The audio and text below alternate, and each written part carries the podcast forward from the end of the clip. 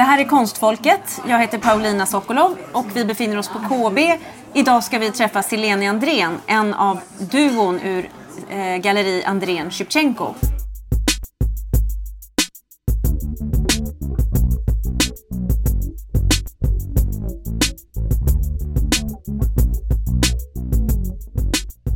Ja, eh, idag eh, ska vi träffas här för att intervjua Silene Andrén som är här med oss. Hej Silene! Hej. Hej.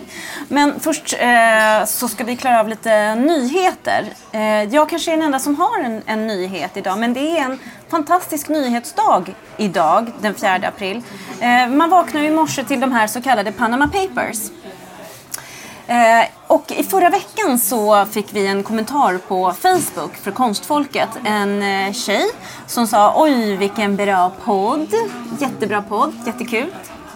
Eh, och då sa, frågade hon samtidigt så här, jag undrar en sak. Vad tycker du är den bästa tidskriften för konst? Kan ni inte liksom prata om det? Då svarade jag henne direkt att så här, utan tvekan så är det The Art Newspaper.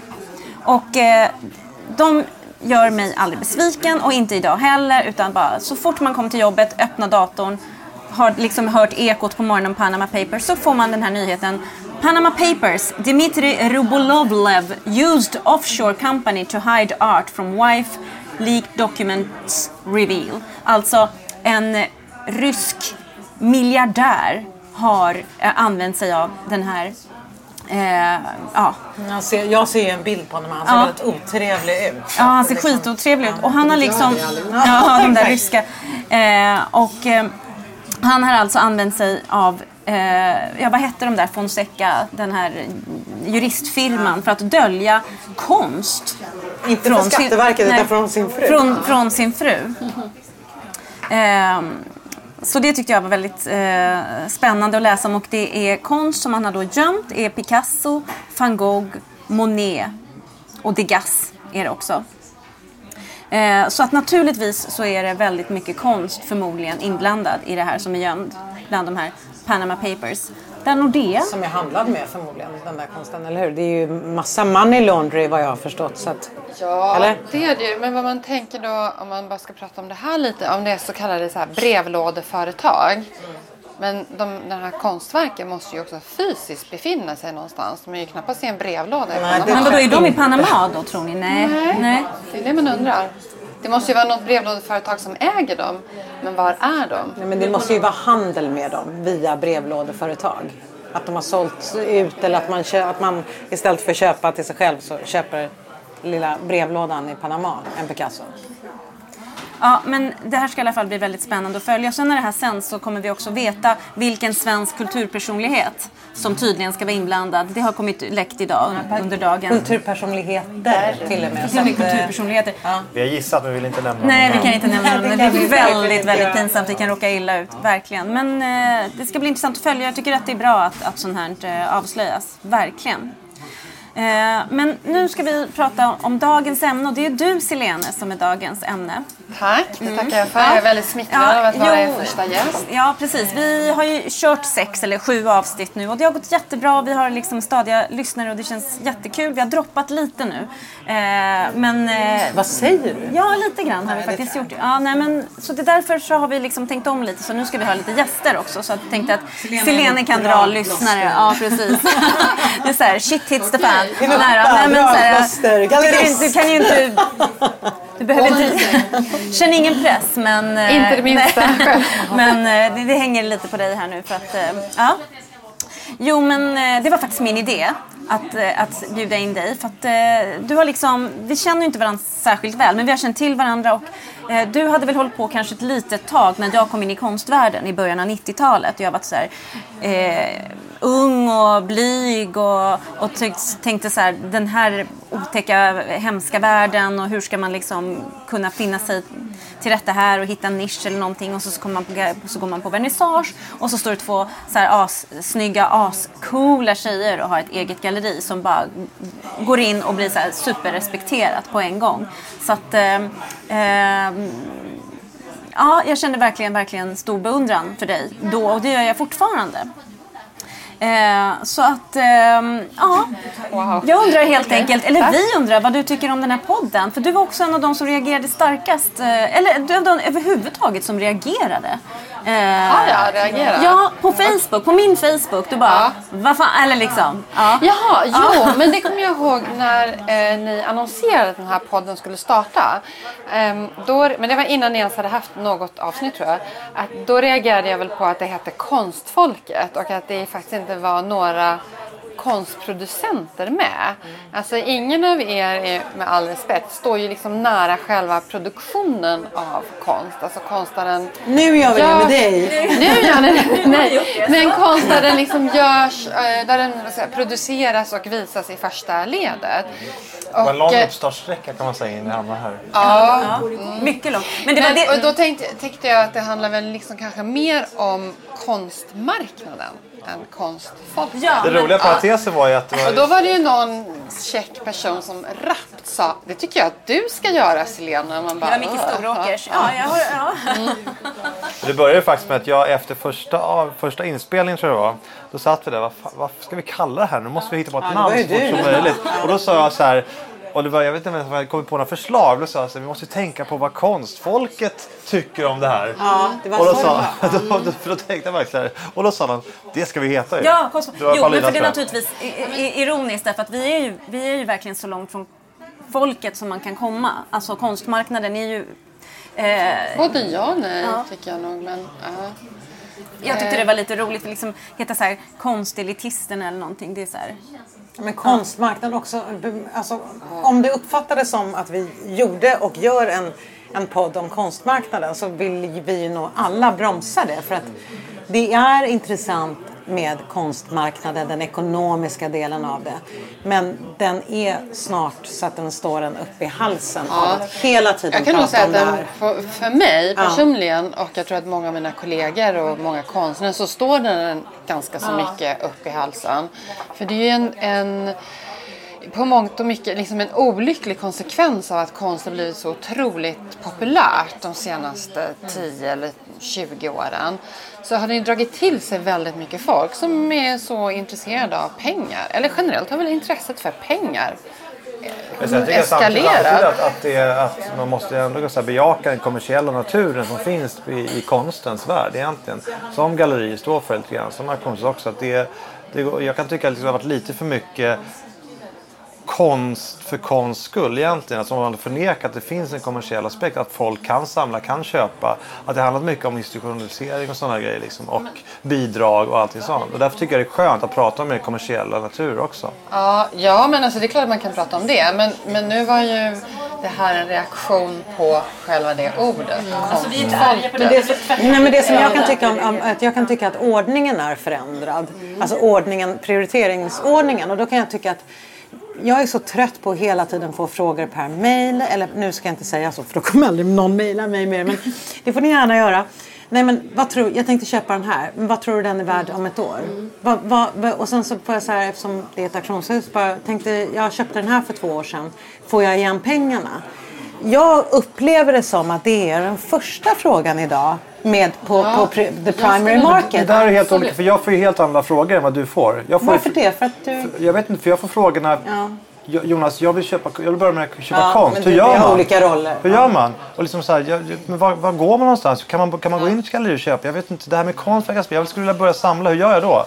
Och det är mest att man känner, lite- man känner sig lite Jag måste utanför. säga, eh, alltså hur svårt kan det vara?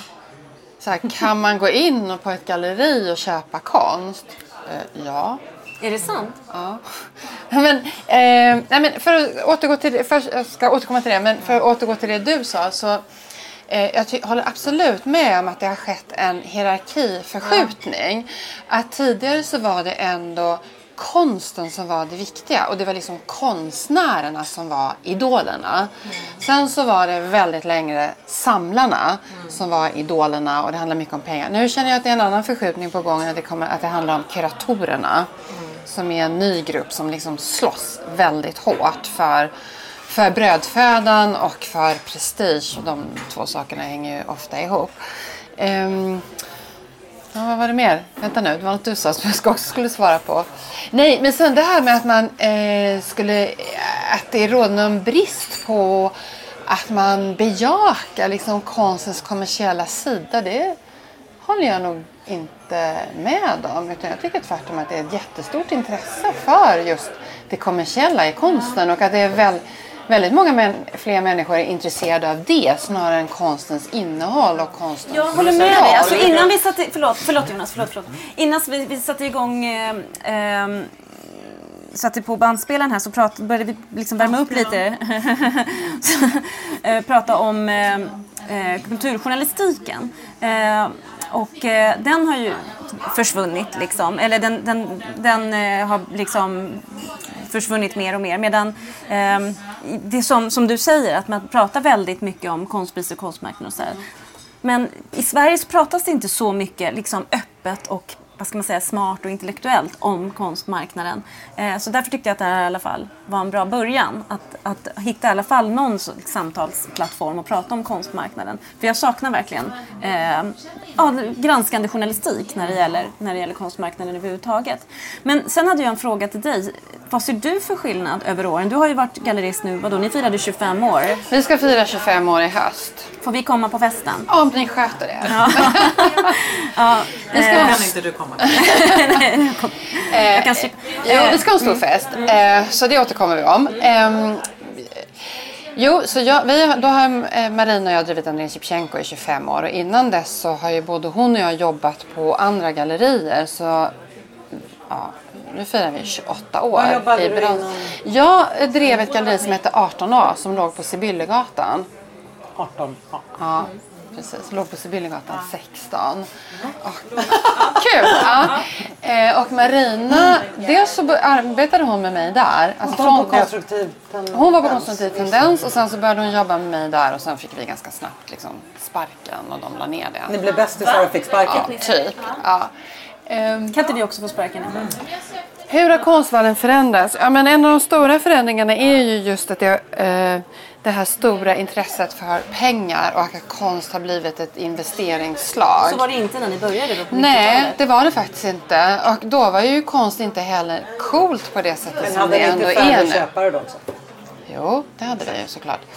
Eh, och då var inte heller konst liksom ballt eller coolt på det sättet som det är. It wasn't a sexy business och det är det lite nu. det.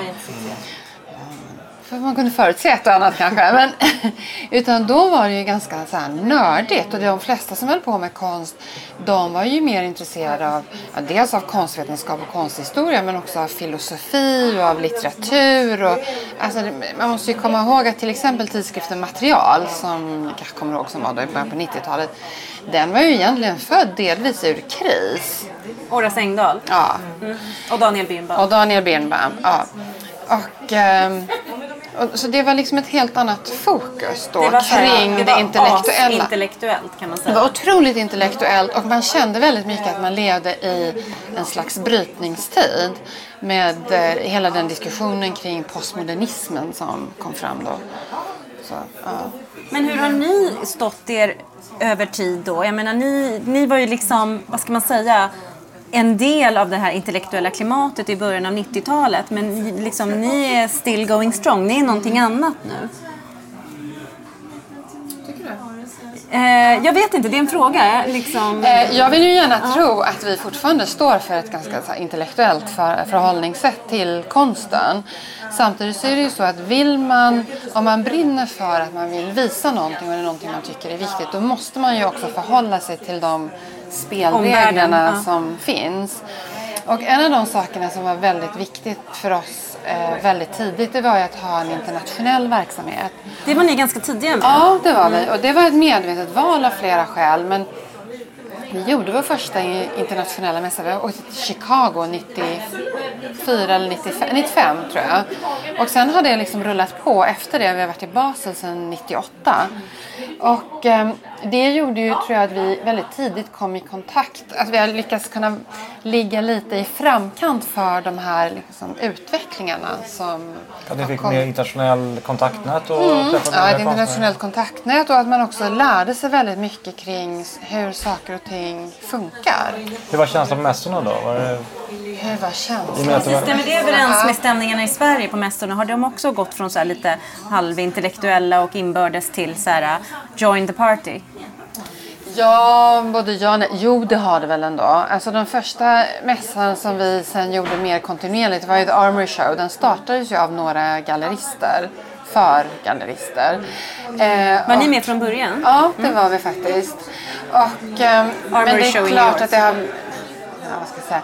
Jo, men det är klart att det har blivit mycket mer liksom en festgrej. Alltså en mycket mer, en mycket mer glamorös grej. Och att eh, själva, eh, vad heter det, ribban för vad som anses vara ett coolt party och en bra grej, den har ju höjts något enormt hela tiden. Vad är det häftigaste partyt Den du har låg varit på? väl som högst kanske runt 2000 4, 5, 6, 7.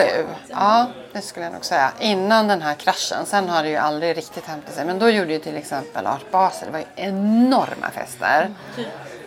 Ja men typ sådana stora gamla militärhangarer med jättestora DJs och bara fri bar, frida. Ja men Åh, jag vill veta vad du hade på dig då, men det får bli en annan podd. Mm. Men, Det eh, finns en sån podd. som- Ja, vad folk hade på sig på olika... Eh, Men vad tycker du om det då? Alltså, det, hur har du funnit i det, i den förändringen? nej men eh, det är klart att jag gillar ju gratis champagne och en trevlig handväska. As much as the next girl. Så att hon säger champagne och inte något annat. Eh, det gör mig, alltså, nej men skämt åsido, det är ju väldigt lätt, eller var ju väldigt lätt att bli lite förförd av det här. Och jag tror att jag hade kanske reagerat annorlunda om jag hade varit yngre när det här skedde. För att det blir ju lätt att man kan bli ganska eh, Ja, förförd är nog det bästa ordet jag kan komma på. Av folk som har mycket pengar och där det festas och man är elegant och man har snygga kläder. kommer man där liksom som en så här, skandinavisk rödbrokig. Men tycker inte du, så- alltså jag kan känna så här, jag har också såklart sett den där resan liksom från när man satt liksom med eh, gäster på vernissagemiddagar som hade Birkenstock och kunde 10 000 saker som jag aldrig hade hört talas om. Och det var väldigt spännande på det sättet att man alltid blev undervisad av eh, konstsamlare och konstnärer. Och sen så har ju det ändrats till precis som Selene säger liksom väskor och champagne. Men om man har liksom det kan jag tycka är viktigt. Och där nu kommer det bli lite så här uppåtpuffar men liksom på er tycker jag som gallerister att ni har ju gjort den här resan, det har ni verkligen gjort. Och jag totalt hatten av, det har du och jag pratat om flera gånger att dels att ni som två stycken när man är två som har ett galleri, det är inte bara en och man lever olika liv och man ska samsas men ni har liksom verkligen kunnat köra hela vägen eh, och hålla ihop och sen så tror jag verkligen, och det här var ju någon som sa till mig, det är därför så för jag det vidare, att det, humorn har räddat er lite. Att man kan skratta åt det här också. Man måste ju kunna skratta åt spektakel. För absolut. tar man det här på Ja. allvar med så här konstmarknaden man ska se och var inte, var inte du bjuden på den middagen? Varför var du inte bjuden? Är det inte konstigt att du inte var bjuden? Alltså om man inte kan skratta åt det, då blir det väldigt sorgligt. Men om man kan skratta åt det, man kan se de här jag har bara varit på eh, Art Basel i Miami två gånger. Men alltså, första gången så tror jag att liksom, min haka låg i, i marken när jag såg de här tjejerna med såna här högklackade skor med platå. Som aldrig hade liksom, någonsin varit på en utställning hela sitt liv. Som verkligen gick och handlade med sina män och bara I love it, I love it. Och, och stora väskor och champagne. Det är klart att man måste skratta åt det. Ja, det Man, kan inte, man. man behöver inte bara vara tjurig och säga åh gud vad, vad kommersiellt det har blivit, vilket det har. Men man får garva lite också. Ja, det är Det klart går över. måste det. Eller hur? Det måste, Det- ja, det- går över. Jag går skulle över. nog faktiskt säga också att det har gått över, Ja, jag tycker jag i mångt och mycket. Och jag tycker att man känner just nu en tydlig, jag vet inte om jag skulle kalla det trend, men man känner i alla fall att folk är intresserade av någonting annat. Att det har blivit ett nytt fokus på Ja, men Vad menar du med annat? Ursäkta, på konstens innehåll och att man känner ett fokus på alltså att saker och ting är på allvar. Och så som världen ser ut nu med flyktingkriser, med terrorism och med en, en väldigt stor backlash gentemot kvinnor till exempel. Så tror jag att väldigt många känner att nej, men man kan liksom inte hålla på och tramsa. Utan att man är intresserad av ett innehåll. Och att Man ser är- att eh, konsten inte bara genererar eh, pengar eller liksom något placering utan att konsten, samtidskonsten har svar på en del Att den svåra kan frågor. bli viktig. Ja, den är viktig och den har, både, den har kanske en del svar men framförallt så kan den också ställa väldigt relevanta frågor. Och att saker och ting, alltså egentligen det man har på sig eller hur mycket pengar man har, nu kanske det här låter väldigt blödigt, men vad fan betyder det? Det betyder ju ingenting. Egentligen. Men har det blivit lättare för er? Alltså när det liksom har blivit mer pengar i, i omlopp, har det blivit lättare för er att, eh, driva, att överleva? Har du blivit rik helt enkelt? Nej, tyvärr har jag ju inte blivit rik. Men däremot så kan man säga, det är svårt att säga eh, hur det hade varit om världsutvecklingen hade sett annorlunda ut. Det kan man ju bara spekulera i. Men ehm, uppsidan av att det har kommit mycket folk med pengar till konstvärlden det är ju att många konstnärer har kunnat få resurser till att göra ganska storslagna projekt. Och det är ju sånt som de kanske inte hade gjort annars. Och konstproduktionen ser ju väldigt annorlunda ut idag. När väldigt många konstverk faktiskt ja, men de kostar en hel del att producera och kan ofta vara komplicerade och man måste utveckla kanske nya metoder och det är sånt som kan vara svårt att finansiera för en konstnär själv och också för ett galleri att finansiera. Ja, så det har också med konstens utveckling att göra. Eh, K- eh, Jonas, eh, du måste prata lite nu. Du hade en fråga till Förlåt. Silja Wettergren. Ja, nej, men nu kommer jag av mig för det var så intressant. Men jag tänkte på lite grann det här med bara med, eh, med, med internationaliseringen och mässor. Då, då måste det kanske även innebära att man, man hittar en ny kundmarknad. För det tänker jag för, för, för, för stora gallerier som ni idag. Liksom, hur, hur, stor är liksom, det kanske inte du vill berätta heller, men, liksom, men ungefärligt kan man, för man är intresserad av att veta liksom, hur mycket ni säljer utomlands i och med att ni är på mycket mässor. Hur, många, hur många mässor gör ni per år i snitt? Jag gör väl sex, sju stycken. Ja, det är ganska mycket. Ja, men det är mycket. Och det är, det är intressant för att i början när man gjorde mässor, det var en mässa någon grej som var lite vid sidan av som man gjorde en eller två gånger om året. Men nu är det ju så att mässorna är ju en jättestor del av liksom vår verksamhet. Hur Och stor det- jämfört med utställningarna Ja, men ungefär? om vi gör sju utställningar och så gör vi sju mässor. Och mässorna är ju oftast mycket, mycket mer, eh, alltså mycket mer riskabla projekt rent finansiellt. Och kanske även i viss del vad gäller vår renommé och den bilden folk har av oss. Så de är jätteviktiga för oss och vi lägger otroligt mycket energi på att planera dem och även genomförandet. Men ehm, för att svara på din fråga, jag misstänker att du ville fråga hur mycket vi säljer utomlands. Var det så? Nej, jag tänkte bara liksom generellt om man tänker liksom för ett internationellt, för ni är, ni är ett internationellt galleri med internationellt namn. Jag vet att ni syns mycket ute. Hur mycket då kan man räkna att kundbasen är liksom i Sverige? Vi brukar säga så här att eh, det beror lite på, ursäkta, det är en skillnad på antal verk och hur mycket man säljer för. Vi säljer ju fler verk till svenska samlare men det är helt klart så att de dyr, ju dyrare och mer komplext ett verk är desto större eh, likelihood, vad heter det? desto troligare är det att vi säljer det utomlands. Så vi har oftast en större del av våra intäkter kommer från utlandet. Men vi kanske säljer fler verk här. Men det, är- det är viktigt att ses mycket utomlands kan jag tänka mig för att bibehålla, bibehålla varumärket lite grann kring liksom, de, de samlare ni har, liksom institutioner ni har i utlandet. Om det är en ganska stor, om det är mycket pengar som finns i den marknaden så är det viktigt att ha de kundkontakterna kvar kan jag tänka mig. Att, eller hur funkar det på mässorna? Liksom, har ni... Vadå? Jag förstår inte. Eh, kundkontakterna kvar? Nej, men är det nya? Är det mycket, jobbar mycket med existerande kunder eller mycket när man säljer på mässor? Ah, Okej, ja det är både och. Självklart så är det en av tankarna med att åka på mässa det är att man ska träffa nya personer. Och också att man ska nätverka, nätverka, nätverka förlåt, med kollegor och titta på andra konstnärer och så vidare. Eh, men visst är det också så att man inte bara skapar nya relationer, man underhåller också relationer. Vi har ju en del samlare som vi vet att vi träffar varje år i Basel och kanske någon mer gång. Så det Eller tillkommer nya åker- människor trots allt? Ja, Ja.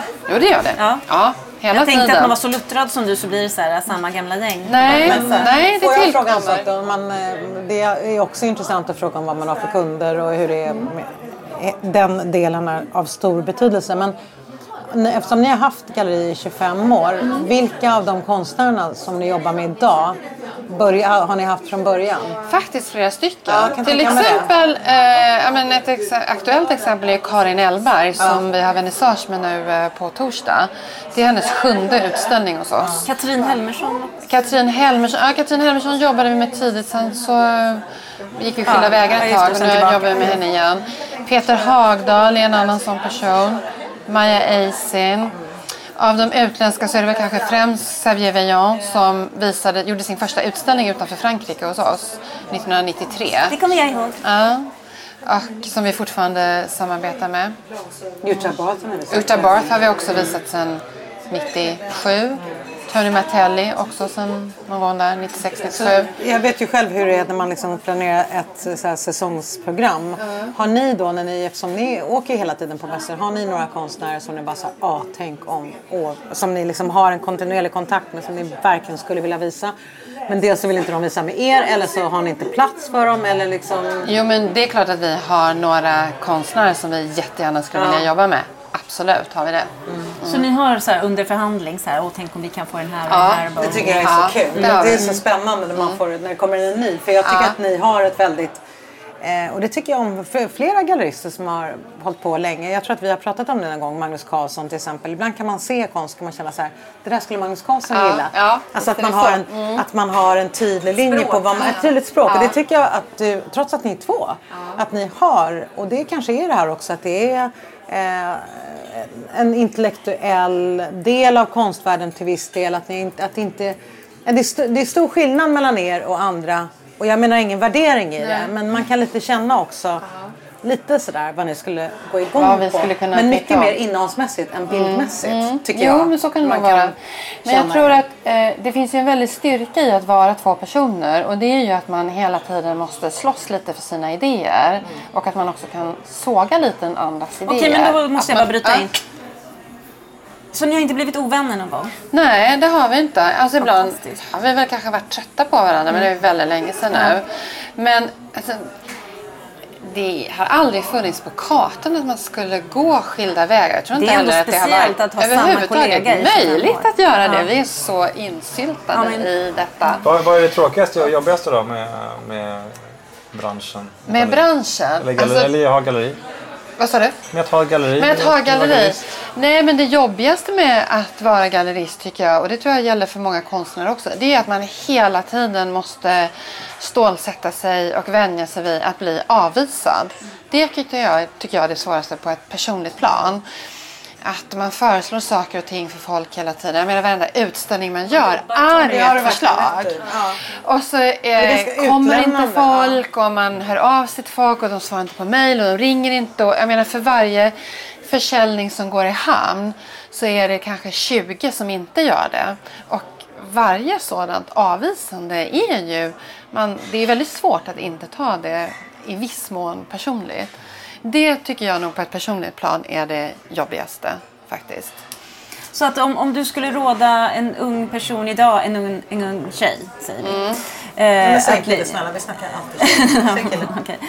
eh, person att bli gallerist idag, då är ditt tips fortfarande liksom, det är uthållighet. Ja, något mer? uthållighet. Ja, något mer. Alltså jag tror... ehm, jag är inte säker på att det idag skulle vara möjligt att starta ett galleri på de premisserna som Marina och jag startade på. För vi var ju ändå två personer som kom från ingenstans. Alltså vi hade ju liksom inget kulturellt kapital och vi kom inte från Stockholm och vi hade inga pengar. Och vi kunde ändå starta en väldigt liten verksamhet med en liten grupp konstnärer. Så jag tror att vi på något sätt vi kom i ett vakuum. Och det fanns en, en väldigt stor täckning på konstsidorna, vad heter det, kultursidorna med konstjournalistiken. Det fanns material, det fanns väldigt mycket. Så vi kunde göra ett ganska stort avtryck med väldigt små medel. det Idag ja. tror jag inte riktigt att det går. Alltså då när vi startade fanns det ju inte ett galleri i världen som hade en PR-byrå. Nu är det ju jättemånga som har det, inklusive en del svenska gallerier. Har ni Bara det? En sån sak. Nej. Tänkte väl. Nej, det har vi inte. Men ehm, så ja. Svårt för Jag- en ny ung, unga person Jag tror att det är jättesvårt att starta idag. ett galleri idag om man inte har ganska stora resurser. Ja, det tror jag. Vad, nu, hur känns eh, klientelet då? Om vi går tillbaka till mer kommersiella aspekt. Jag tänkte på de som samlar lite grann. Eh, har det skett någon förskjutning sista liksom? Om man tänker på 90-talet, hur var det då? Liksom, vilka var det som köpte då? Och liksom, vilka är det som köper idag? Är det, liksom, är det många, dels vet jag att det är många som hänger med såklart. Men kommer det, kommer det nya samlare spontant? Kan man känna att det liksom är, går någon slags trender i det? Kan man märka av olika cykler då? När, folk, när konsten blir mer kanske, det lockar till sig fler folk från gatan om man säger så. Från gatan. Ja, men jag menar liksom att det är Har det kommit in nya? kanske liksom innan, finans, Ja. innan finanskrisen kanske var det mer liksom folk med pengar som kände så här att det Alltså vi har ju aldrig, och det har vi ju ibland känt oss lite um, ledsna för. Men det kanske har varit a blessing in disguise. Vi har ju aldrig riktigt haft de där finanstyperna hos oss. Jag vet inte om de inte känner sig hemma eller om de känner att vi är lite Intellektuella tjejer. Jag vet inte. Ehm, och det, det har man ju ibland tyckt var lite tråkigt när de spenderade väldigt mycket. Men sen när allting gick åt pipsvängen så var man ju väldigt glad att man inte hade en verksamhet som var beroende av den typen av kunder. Har det kommit in nya? Ja, det har det ju tack och lov. Och de som har kommit in... Det är, svår, Alltså det, är, det är en fråga vi ofta får och det är en fråga som absolut är relevant. Men den är väldigt svår att svara på för att om jag ska säga någonting om kunderna och även om konstnärerna så är det att alla är ju unika. Jag kan inte säga att det finns en sån grupp. Det finns kanske jag några olika galleri. Det grupper. ska du ta till det för. för att Där det är så här, jag- tio sådana och fem sådana och sju sådana. Alltså några är ett litet gäng och vet man om det är en som är intresserad av någonting så kommer de andra också bli det. Men i övrigt så tycker jag att det är en väldigt heterogen grupp av samlare. Eh, möjligen kan vi säga att av våra utländska kunder så har vi helt klart en övervikt på mer borgerliga yrken. Läkare, advokater eh, och så vidare som köper mycket. Hur tänker ni liksom kring, eh, kring digitala satsningar? Så här? Finns det någon, I och med att det har hänt ganska mycket för, för gallerier, för Vi har till exempel på... nästan blivit bara helt i- digitala eh, på Bukowskis. Mm. Ehm, och alla bara pratar, alla måste bli digitala, bla bla bla. Jag menar, liksom. vi säljer ju väldigt mycket, på vår, eller vår onlineverksamhet är ju klickverksamhet. Det är det att man som- klickar ja. hem saker. Inte nödvändigtvis konstverk. Men, Men det också, Men definitivt. det också, absolut. Och det har ju alla alltid sagt att det kommer bli så. Det kommer bli så med konsten också. Har ni känt att det är en Kommer det utmaning? komma? Alltså det är så här tjatig fråga men jag vet ju vad jag tror. Men Nu känns, kän- man vill ju inte vara en sån här bakåtsträvare som säger sån där internet är en fluga eller något sånt där. Men, det? men, och jag minns faktiskt när, när Marina eh, blev inbjuden till någon sån här morgonsoffa i nyheterna i Umeå 1994 för att prata om det faktum att vi hade en hemsida. Så vi var jättetidiga med det, att ha det. Eh, och det är klart att vi har en digital närvaro. Att vi har vår hemsida och vi finns på Facebook och vi finns på Insta och vi är med i Artsy och mm, säkert någon merstans, Artnet. I don't know. Men, eh, och det är klart att det betyder jättemycket för oss. Men jag skulle säga att den digitala utvecklingen för vår del har ju mer eh, in, revolutionerat sättet som vi kan kommunicera kring konsten. Snarare än att det handlar om själva försäljningen. Exakt. Men jag menar de två delarna är ju intimt förknippade med varandra. Alltså när vi började då fick man ta dit en fotograf som fotade dior och så fick man dem efter en vecka och sen fick man gå och duplicera dem och sen fick man sätta sig med sin IBM-skrivmaskin och försöka få in så mycket fakta som möjligt på en etikett som var 0,8 gånger 2,5 centimeter. Och så ska man stoppa dem i plastfickor och sen ska de gå till posten med dem och en cover letter och skicka. Ja, men nu har jag ju Ja, busy life. Det tog ju liksom, very busy life. Det tog ju en enorm tid och gav ju väldigt lite resultat. Nu kan vi ju kommunicera och skicka länkar på nolltid till Men kan du alla mäta våra det verk. på något sätt eller är det bara en känsla? Om du mäter dem, om du tänker att du kommunicerar via Insta och er hemsida. Jag skulle nog inte säga att Insta och vår hemsida kanske gör sådär jättemycket rent konkret i försäljning. Utan mer när vi själva är i e-mailkontakt med folk eller per telefon och man kan skicka Det är bilder. fortfarande telefon som regerar alltså? Ja, jag tycker nog det är ganska mycket. Alltså vill man ha någonting gjort och vill man få någonting sagt så är ju telefonen oöverträffad. Eller en Fast podd. Det, Podd är bra eller en podd. Ja. Det känns som en del unga människor har ju nästan telefonskräck. Det håller jag helt med Ja. om faktiskt. Jag brukar uppfostra unga kollegor. Ja, det här var Konstfolket och vi tackar dig Silene Andrén. Det var väldigt trevligt att ha dig här. Tack. Hoppas att du kommer tillbaka. Gärna. Och eh, nästa avsnitt kommer den 29 april. Välkomna!